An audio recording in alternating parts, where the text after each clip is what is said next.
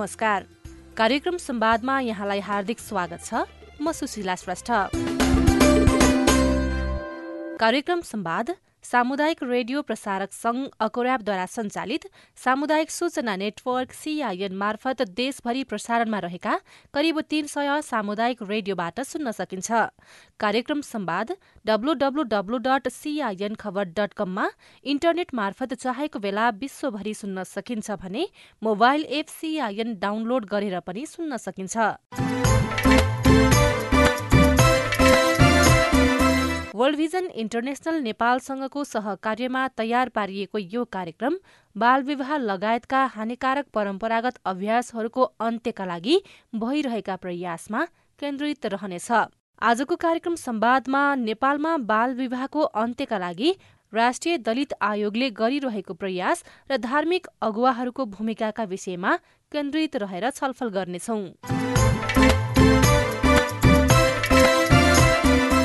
नेपालको संविधानको धारा दुई सय पचपन्नमा राष्ट्रिय दलित आयोगको गठन काम कर्तव्य र अधिकारको सम्बन्धमा व्यवस्था गरिएको छ।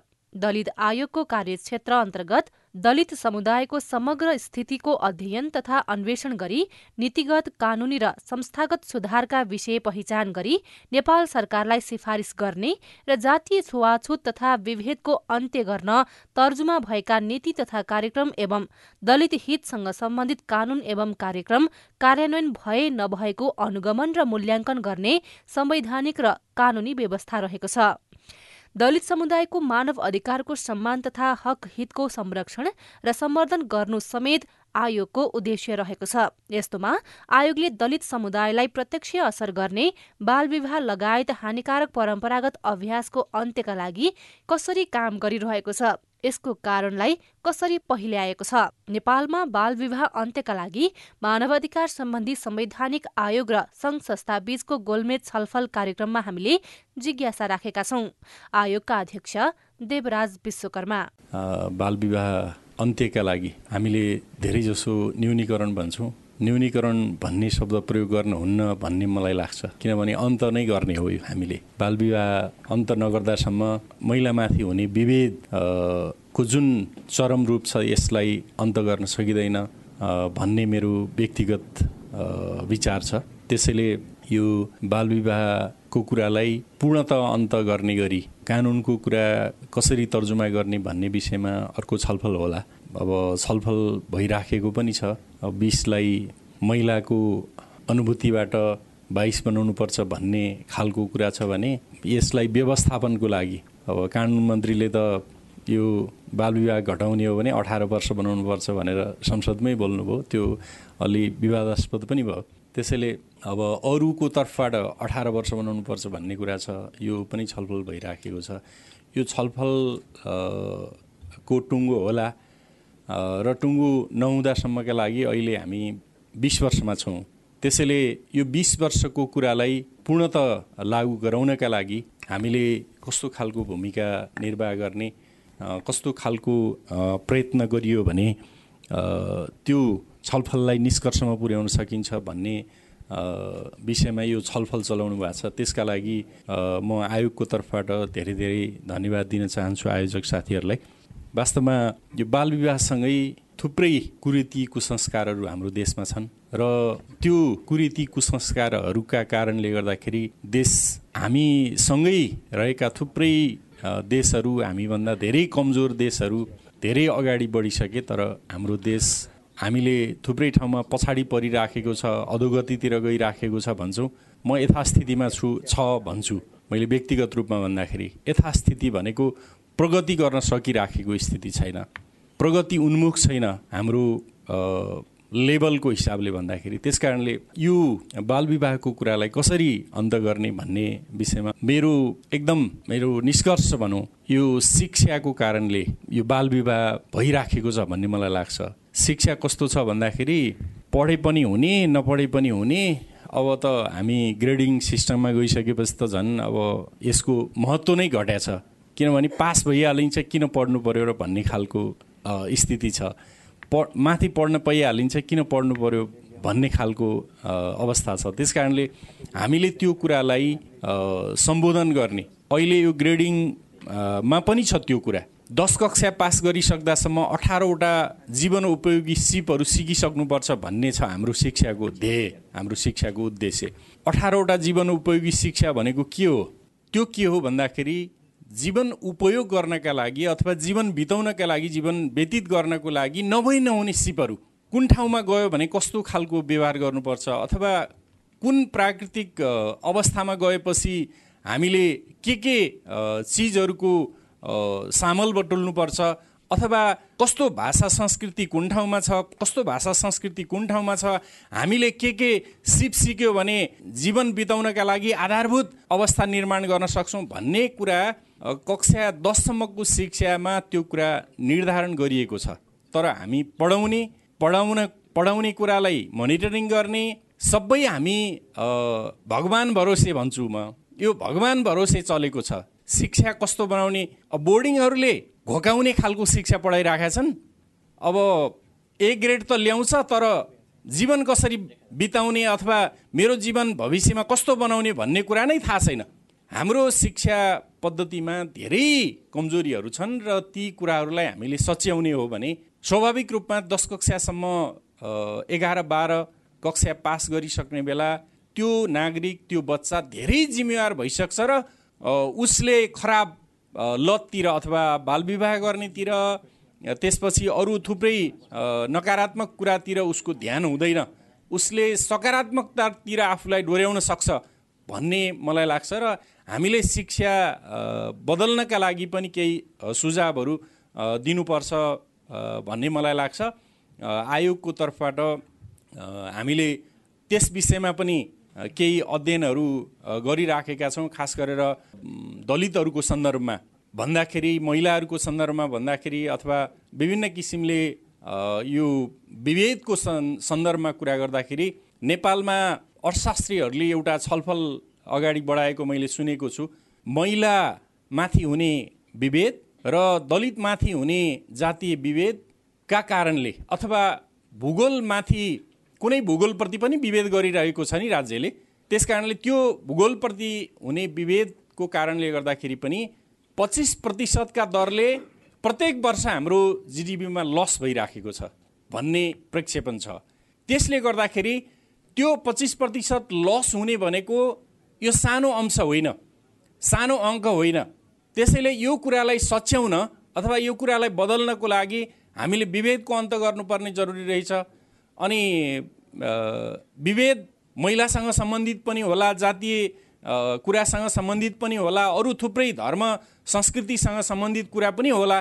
त्यस कारणले यो कुरालाई बदल्नको लागि हामीले हाम्रो शिक्षा पद्धति ऐन कानुनको कुरा पनि अघि छलफलमै आएको छ। अब ऐन कानुनहरू कसरी संशोधन गर्ने र भएका ऐन कानुनहरूलाई कसरी प्रभावकारी ढङ्गले लागू गर्ने? हाम्रो त का कानुन बनाउने तर लागू नगर्ने खालको प्रवृत्ति पनि छ। त्यस कारणले यो विषयमा सञ्चार माध्यमको साथीहरू हुनुहुन्छ यसको लिड नै तपाईँहरूले गरिराख्नु भएको छ। त्यस कारणले यो एकपटक भनेर नहुने रहेछ। अघि एकजना साथीले भन्दै हुनुहुन्थ्यो धुम्रोपान स्वास्थ्यको लागि हानिकारक छ भनेर हामीले हजार होइन लाख करोड पटक भनिसक्यौँ होला तर त्यो न्यूनीकरण भएको जस्तो देखिन्न।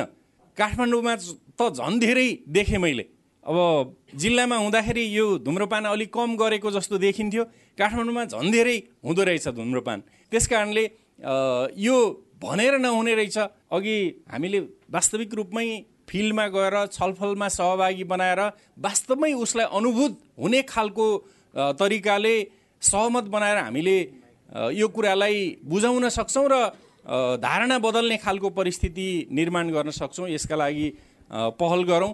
आयोगको तर्फबाट हामीले कस्तो खालको सहकार्य गर्न सक्छौँ र हामीले सरकारलाई मूलत संविधान त संवैधानिक आयोगहरूलाई अध्ययन अनुसन्धान गर्ने र त्यो अध्ययन अनुसन्धानको आधारमा सरकारलाई विभिन्न खालका सिफारिसहरू गराउने ताकि ती सिफारिसहरूको आधारमा नयाँ कानुन निर्माण गर्नका लागि सरकारले नयाँ कार्यक्रम लागू गराउनका लागि त्यो सिफारिसले सहयोग पुर्याउने खालको परिस्थिति जुन छ हामीलाई त्यो दायित्व छ संवैधानिक आयोगहरूलाई त्यो दायित्व निर्वाह गर्नका लागि राष्ट्रिय दलित आयोग तयार छ। हामी प्रतिबद्ध पनि छौँ।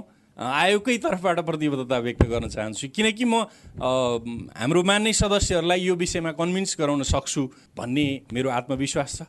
र हामीले यो विषयमा केही छलफल पनि गरेका छौँ। आयोगको तर्फबाट हामीले लैङ्गिक समानता सम्बन्धी नीति निर्माण गर्ने र त्यो नीतिका आधारमा निश्चित रूपमा केही तथ्यहरू सरकारलाई सिफारिस गर्ने गरी हामीले तयारी गर्नुपर्छ भनेर सोचिराखेका छौँ। र यो बालविवाह अन्तका लागि हामी सबै मिलेर सहकार्य हात्तीमालो गरौँ। त्यसले अवश्य पनि हामीले चाहेको जस्तो एउटा समुन्नत विभेद रहित विभेदमुक्त समाज निर्माण गर्न सक्छौँ।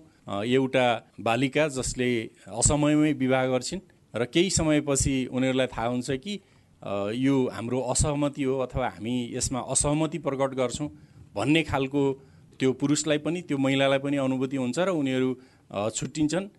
छुट्टिए भने उनीहरूको जिन्दगी बर्बाद हुन्छ अस्तव्यस्त हुन्छ। त्यस्तो खालको परिस्थिति नआउन दिनको लागि अथवा त्यस्तो परिस्थिति नबन्नका लागि नबनाउनका लागि बन्न नदिनका लागि हामी सबैले प्रयत्न गऱ्यौँ भने यो सकिन्छ भन्ने मलाई लाग्छ र यसका लागि आयोगको तर्फबाट सहकार्यका लागि पनि म अनुरोध गर्न चाहन्छु अपिल गर्न चाहन्छु र सञ्चार माध्यमले जसरी दलितहरूको मुद्दामा जुन ढङ्गले एडभोकेसी गरिराख्नु भएको छ त्यसका लागि पनि यहाँहरूलाई धेरै धेरै धन्यवाद व्यक्त गर्न चाहन्छु। तपाईँ अहिले साप्ताहिक रेडियो कार्यक्रम संवाद सुनिरहनु भएको छ। वर्ल्ड भिजन इन्टरनेसनल नेपालसँगको सहकार्यमा सिआइएनले तयार पारेको यो कार्यक्रम बालविवाह लगायतका हानिकारक परम्परागत अभ्यासहरूको अन्त्यका लागि भइरहेका प्रयासमा केन्द्रित रहेको छ। अहिले हामी विभिन्न चाडपर्व मनाइरहेका छौं। हिन्दू धर्मावलम्बीहरूको महान पर्व दशैंलाई भर्खरै विदा गरी तिहारलाई स्वागत गर्ने तर्खरमा छौं भने तिहार लगत्तै छठ पर्व मनाउनेछौं। बुद्ध जयन्ती लोसार रमजान लगायत अन्य पर्वहरू पनि हामीले मनाइरहेका छौं। वार्षिक रूपमा आउने यस्ता चाडपर्वले नेपाली नेपाली बीच सामाजिक सहिष्णुता कायम गरिरहेको छ। एक धर्मका समुदायले अर्का धर्मका समुदायलाई यस्ता विशेष पर्वका अवसरमा शुभकामना आदान प्रदान गरिरहेका हुन्छौं। यसले पनि दुई धर्मका समुदाय बीच पारस्परिक सुमधुर सम्बन्ध स्थापित गरिरहेको छ। कार्यक्रममा अब भने हामी धार्मिक सहिष्णुताको लागि गरेको प्रार्थना प्रस्तुत गर्दैछौं।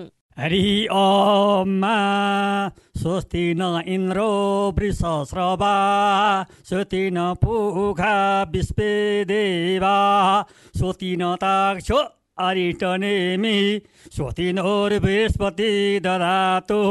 हरि ओमा भद्रं कडे विष्णुयामदेवा भद्रं पशे माक्षिवि य जत्र थिरैरङ्गै तुष्टवगु सस्नुर्वेशेम देवहितं मेदायु हरि ओमा विश्वानि देव सवितुर्दुरितानि पराशुभ यद्वरं तन्नाशुव अस्माभ्यां मधुर्मते भवन्तु।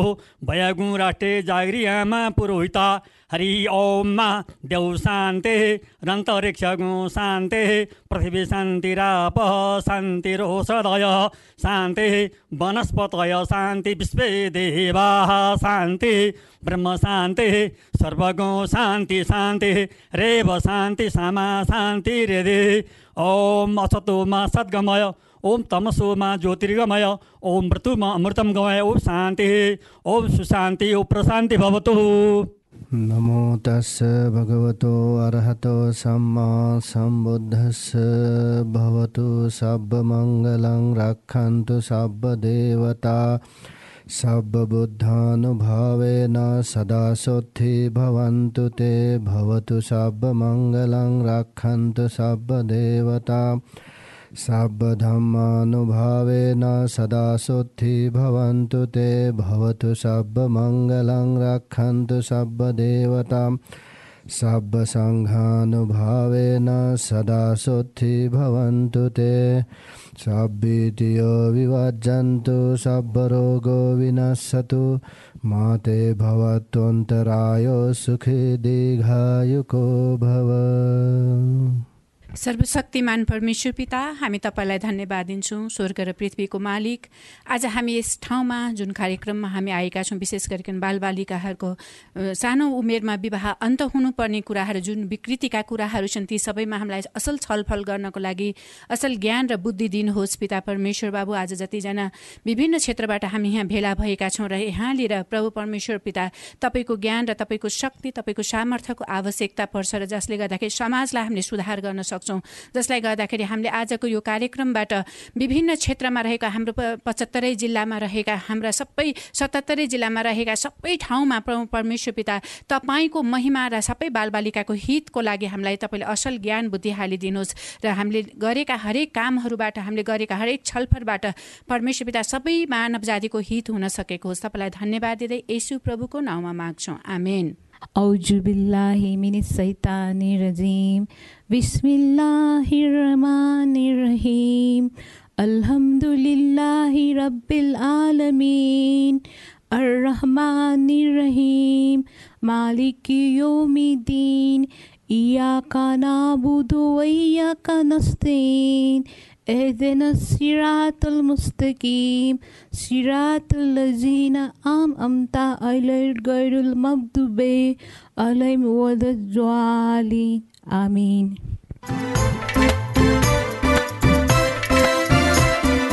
कार्यक्रममा अब भने समाजमा सामाजिक सहिष्णुता धार्मिक सहिष्णुता कायम गर्न धर्मगुरूहरूले कस्तो भूमिका निर्वाह गर्न सक्छन् भन्ने विषयको चर्चा गरौं। यसका लागि हामीले अन्तर्धार्मिक परिषदका संस्थापक अध्यक्ष केशव चौलागाईसँग कुराकानी गरेका छौँ। हो होइन यसमा त के छ भने जस्तो प्राय विभिन्न आफ्नो जुन समुदायमा आफ्नो परम्परा छ होइन हानिकारिक अभ्यासहरू हुने घटनाहरू जस्तो कहीँ के अरे दाइजो प्रथा छ कहीँ बाल विवाह छ कहीँ बक्सीको प्रथा छ है बक्सीको नाममा पनि एउटा भ्रम सिर्जना गरेर उनीहरूलाई के अरे समाजमा उनीहरूलाई घृणा गर्ने उनीहरूलाई इभेन कुटापिट गर्ने होइन मा मारेकै पनि घटनाहरू थाहा पाइएको छ। त्यस्तो बेलामा यो होइन बक्सीको प्रथाका यस्ता कुरो हुँदैन यो गलत हो भनेर पनि धार्मिक गुरु उपस्थित भएका धार्मिक गुरुहरूले भनिदिने गरेका छन्। त्यस्तै बाल विवाह उन्मूलनमा पनि अहिलेको कानुनलाई पनि जानकारीमा दिँदै बिस वर्षभन्दा नपुगिकनको विवाह चाहिँ बाल विवाह मानिन्छ त्यसलाई चाहिँ कानुनी अपराध मानिन्छ भन्ने कुरो जानकारी गराउने कुरोदेखि लिएर अब ग्रह मिल्छ कि मिल्दैन भनेर पनि कति कतिपयले चाहिँ विवाहको के अरे जुडाउन पनि आउँछन्। त्यसो जुडाउन आउँदाखेरि पण्डितहरूसँग आउँछन् पण्डितले भन्छन् तिम्रो ग्रह त हामी जुडाउँला तर बिस वर्ष नपुगिकन चाहिँ विवाह गर्दाखेरि चाहिँ यो कानुनी के अरे दण्डको सजाय हुन्छ र स्वयं महिलाहरू पनि विवाहको लागि योग्य भइसकेका हुँदैनन् भनेर सम्झाउने काम चाहिँ यसरी हामीलाई गुरुहरूले गरिराख्नु भएको छ। त्यस कारण यस्ता यस्ता घटनाहरू जोसँग सिधै धार्मिक गुरुको प्रति उनीहरू विश्वास गर्छन्। त्यस्तो बेलामा चाहिँ उभिएर ती कुरो भनिदिने त्यो कुरो रोक्ने काम चाहिँ गरेका छ हजुर। त्यो अभियानमा लागिरहँदाखेरि यहाँहरूले भोग्नु परेको चुनौती चाहिँ के कस्तो छन् अहिलेसम्म? चुनौती त के हुँदो रहेछ भने जस्तो कतिपय मान्छेले अज्ञानमा गरेको मान्छेलाई बुझाउन पनि अलिकति बुझाउँदाखेरि पनि मान्छेले चित्त दुखाउने या यो अलिकति पछि लुक्ने पछि सोध्न नआउने जस्ता पनि हुँदो रहेछन्। अर्को चाहिँ कस्तो हुन्छ भने सिधै तपाईँको अब समुदायमा आफू पनि गुरुहरू पनि सम्मानित भएर बस्नु पर्ने पर्नुपर्ने स्थिति हुँदाखेरि अब यस्तो कुरो गरिदिएपछि गुरुहरूलाई पनि अलिकति उपेक्षा गर्न सक्ने वातावरण चाहिँ बन्द रहेछ। जस्तो कतिपय समय जातीय संस्कृतिको स्थितिमा यस्तो गर्नु हुँदैन व्यवहार गर्नु हुँदैन हुँदैन भन्दाखेरि चाहिँ अब त्यस्ता गुरुहरूलाई अलिकति त्यही त्यही समुदायबाट पनि उपस्थित हुन हुन परेको घटनाहरू दृष्टान्तहरू चाहिँ छन्। त्यस कारणले गर्दाखेरि अब समुदायसँग चाहिँ अब त्यो चुनौती चाहिँ हामीले भेट्नु पर्दो रहेछ त्यस्तै अब यो अन्याय गर्नु हुँदैन कसैलाई भन्दाखेरि चाहिँ अर्को अन्याय गरिरहेको समुदायको चाहिँ को चाहिँ टार्गेटमा चाहिँ धार्मिक गुरुहरू पर्दा रहेछन् र उनीहरूबाट उनीहरू पनि कहिलेकाहीँ अप अपहेलित हुनुपर्ने स्थिति आउँदो रहेछ यी सबै कुरोलाई चाहिँ बुझेर नै धार्मिक गुरुहरूले हिम्मतका साथ काम गर्नु परिरहेको छ एक थरी धार्मिक अगुवाहरूले चाहिँ यो कुरीति कुसंस्कारहरू जति पनि हानिकारक परम्परागत अभ्यासहरू छन् त्यो चाहिँ धर्ममा उल्लेख छैन कुनै पनि ग्रन्थमा उल्लेख छैन भनिरहँदाखेरि केही धार्मिक अगुवाहरूले चाहिँ यसैलाई आड लिएर अघि बढिरहनु भएको पनि देखिन्छ नि त। दुई धारमा विभाजन हुँदाखेरि अब यसलाई कसरी अगाडि बढाउन सकिन्छ होला त? होइन यसमा यसो रहेछ। यसको हामीले पनि अझै यसमा रिसर्च हुनु बाँकी नै छ। धर्मकै आधारले भन् जस्तो लाग्छ मान्छेलाई हेर्दाखेरि। वास्तवमा जस्तो हिजो माओवादी द्वन्द्वको बेलामा पनि धर्मकै आधारले द्वन्द्व हुन्छ भन्ने मात्रै मान्छेलाई थियो पछि त राजनीतिक सत्ताको लागि हिंसात्मक द्वन्द्व भयो। अनि यसकारणले गर्दाखेरि द्वन्द्व खालि धार्मिक क्षेत्रले धार्मिक कारणले मात्रै भएको हुँदैन। सामाजिक कारणले आर्थिक कारणले कहिलेकाहीँ अन्तर्राष्ट्रिय इन्ट्रेस्टको कारणले हुने अन्तर्राष्ट्रिय यो रणनीतिक एउटा होइन इन्ट्रेस्टको कारणले पनि द्वन्द्वहरू हुँदो रहेछन्। अनि यस्ता हुँदो रहेछन्। अनि त्यस कारण यी कुरो पनि भयो। अनि यस्तो सामाजिक रूपमा कुरीतिहरू पनि यो गलत हानिकारक अभ्यासहरू पनि सबै धार्मिक आधारले भएको हुँदो रहेछ। एउटा सामाजिक आधारले कतिपय ठाउँमा चाहिँ अब हामी त अब भारतसँगको खुल्ला उता पारिपट्टिको एउटा खुल्ला सिमानामा पनि भोगिराखेको मान्छे यता यताबाट जाने उता देखिने कोही उतैबाट आएको पनि बसेको हुनाले उतातिरको भइरहेको त्यस्ता गलत प्रवृत्ति पनि यता नेपालमा मौलाको देखियो पाइयो। यी सारा कुरोको प्रभावले त्यस्ता कृतिहरू भएका हुँदो रहेछन्। त्यस कारणले यसलाई धार्मिकै क्षेत्रले भएको हो भन्ने चाहिँ भन् भएको हो भन्ने कुरा चाहिँ हामीले भ्रमलाई मेटाउनु परेको छ। त्यो भ्रम मेटिँदै पनि गएको छ। त्यस कारणले सामाजिक आर्थिक र परम्परा ढङ्गले नै चलिरहेका आइरहेका यस्ता हानिकारक अभ्यासलाई चाहिँ हामीले समाजलाई सङ्गठित गर्दै लाग्नु परेको हुनाले अब त दुई धार छैन अब त एउटै धार भएर काम गरिरहेको सरकारले चाहिँ यसमा कतिको चासो सहभागिता र सहकार्य गरेको अनुभव गर्नुभएको छ यहाँले? अनि सरकारको अब त झन् अब हिजोको दिनमा त एन पनि आयो यस्तो कुर्तीहरू गर्नु हुँदैन भनेर।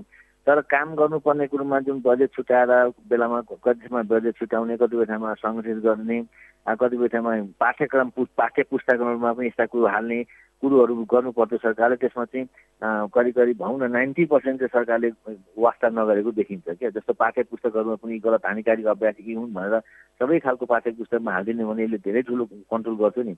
पाठ्य पुस्तक बनाउँदाखेरि कुरो हाल्दै नहाल्ने। एक अर्को त्यस सरकारको यहाँ कमजोरी देखिएको छ। दोस्रो कुरो अहिले स्थानीय तह आएपछि अब आएपछि अब के अरे दलित महिला प्रतिनिधिहरू पनि तपाईँको निर्वाचित निर्वाचित भएर आएका छन्। त उनीहरूलाई र धार्मिक समुदायलाई जोडेर एउटा के अरे जातीय स्वास्थ्यको उन्मूलनमा र सामाजिक न्यायको स्थापनाको लागि लाग्ने हो भने त्यसले ठुलो काम गर्छ।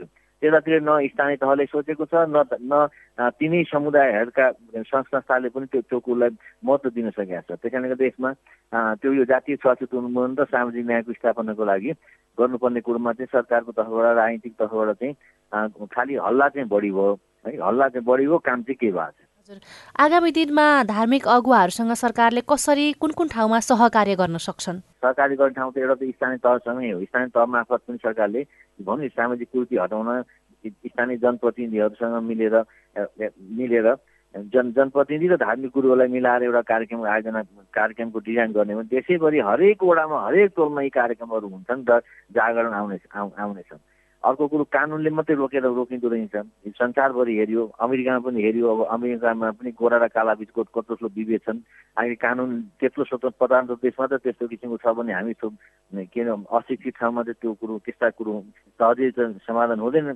त समाधान गर्न खोज्दाखेरि चाहिँ हामीले अब स्थानीय एन एनलाई टेकेर स्थानीय एनसँग जो मिलेर स्थानीय तहसँग काम गऱ्यौँ भने यो छिटो सकिन्छ। अर्को पाठ्यक्रम पुस्तकमा त पनि हो। पाठ्य पुस्तकमा पनि यी कुरोलाई के भने समावेश गरेर गर्नुभयो। त्यस्तै अब सङ्घ संस्था छन् आइएनजिओहरू छन् तपाईँको अब छुवाछुत हटाउनलाई भनेर दलित एनजिओहरू छन् अब अरू जाति समानतालाई काम गर्ने अरू संस्था छन् उनीहरूले अरू समुदायसँग पनि मिलेर काम गर्नु खालि फन्ड ल्याएर मात्रै काम गर फन्ड ल्याएर मात्रै कार्यक्रम आयोजना गरेर मात्रै यो यस्ता कुरो हट्छन् भन्ने छैन। त्यही कारण यस विषयमा चाहिँ धार्मिक गुरुहरूलाई धार्मिक संस्थालाई चाहिँ समाजमा चाहिँ उपयोग गर्न सक्यो भने सरकारले पाठ्यक्रम निर्माणमा होस् तपाईँको यो स्थानीय तहमा जातीय छुवाछुत उन्मूलनको लागि धार्मिक कार्यक्रम गरेर होस् अनि अर्को राष्ट्रिय स्तरमा पनि मन्त्रालयले काम गर्दाखेरि प्रश्न गर्दाखेरि धार्मिक गुरुलाई उपस्थित गराउने हो भनेदेखि तपाईँको सात सय त्रिपन्नवटा स्थानीय सरकारमा स्थानीय तहमा राम्रो सामाजिक रूपान्तरणको लागि धार्मिक गुरुहरूको चाहिँ राम्रो भूमिका स्थापित हुनेछ। यो सँगै कार्यक्रम संवादको निर्धारित समय सकिने लागेको छ। आजको विषयवस्तु तपाईँलाई कस्तो लाग्यो? बाल विवाह लगायत हानिकारक परम्परागत अभ्यासहरूको अन्त्यका लागि तपाईँको केही अनुभव पो छन् कि? हाम्रो टेलिफोन नम्बर शून्य एक बाहन्न साठी छ चार छमा फोन गरेर तपाईँ आफ्नो अनुभव तथा सल्लाह सुझाव जिज्ञासा एवं प्रतिक्रिया रेकर्ड गराउन सक्नुहुन्छ। साथै तपाईँले हामीलाई हाम्रो Facebook page community information network सिआइएनमा गएर पनि आफ्ना कुरा लेख्न सक्नुहुनेछ। हामी तपाईँको प्रतिक्रिया पर्खिरहनेछौँ।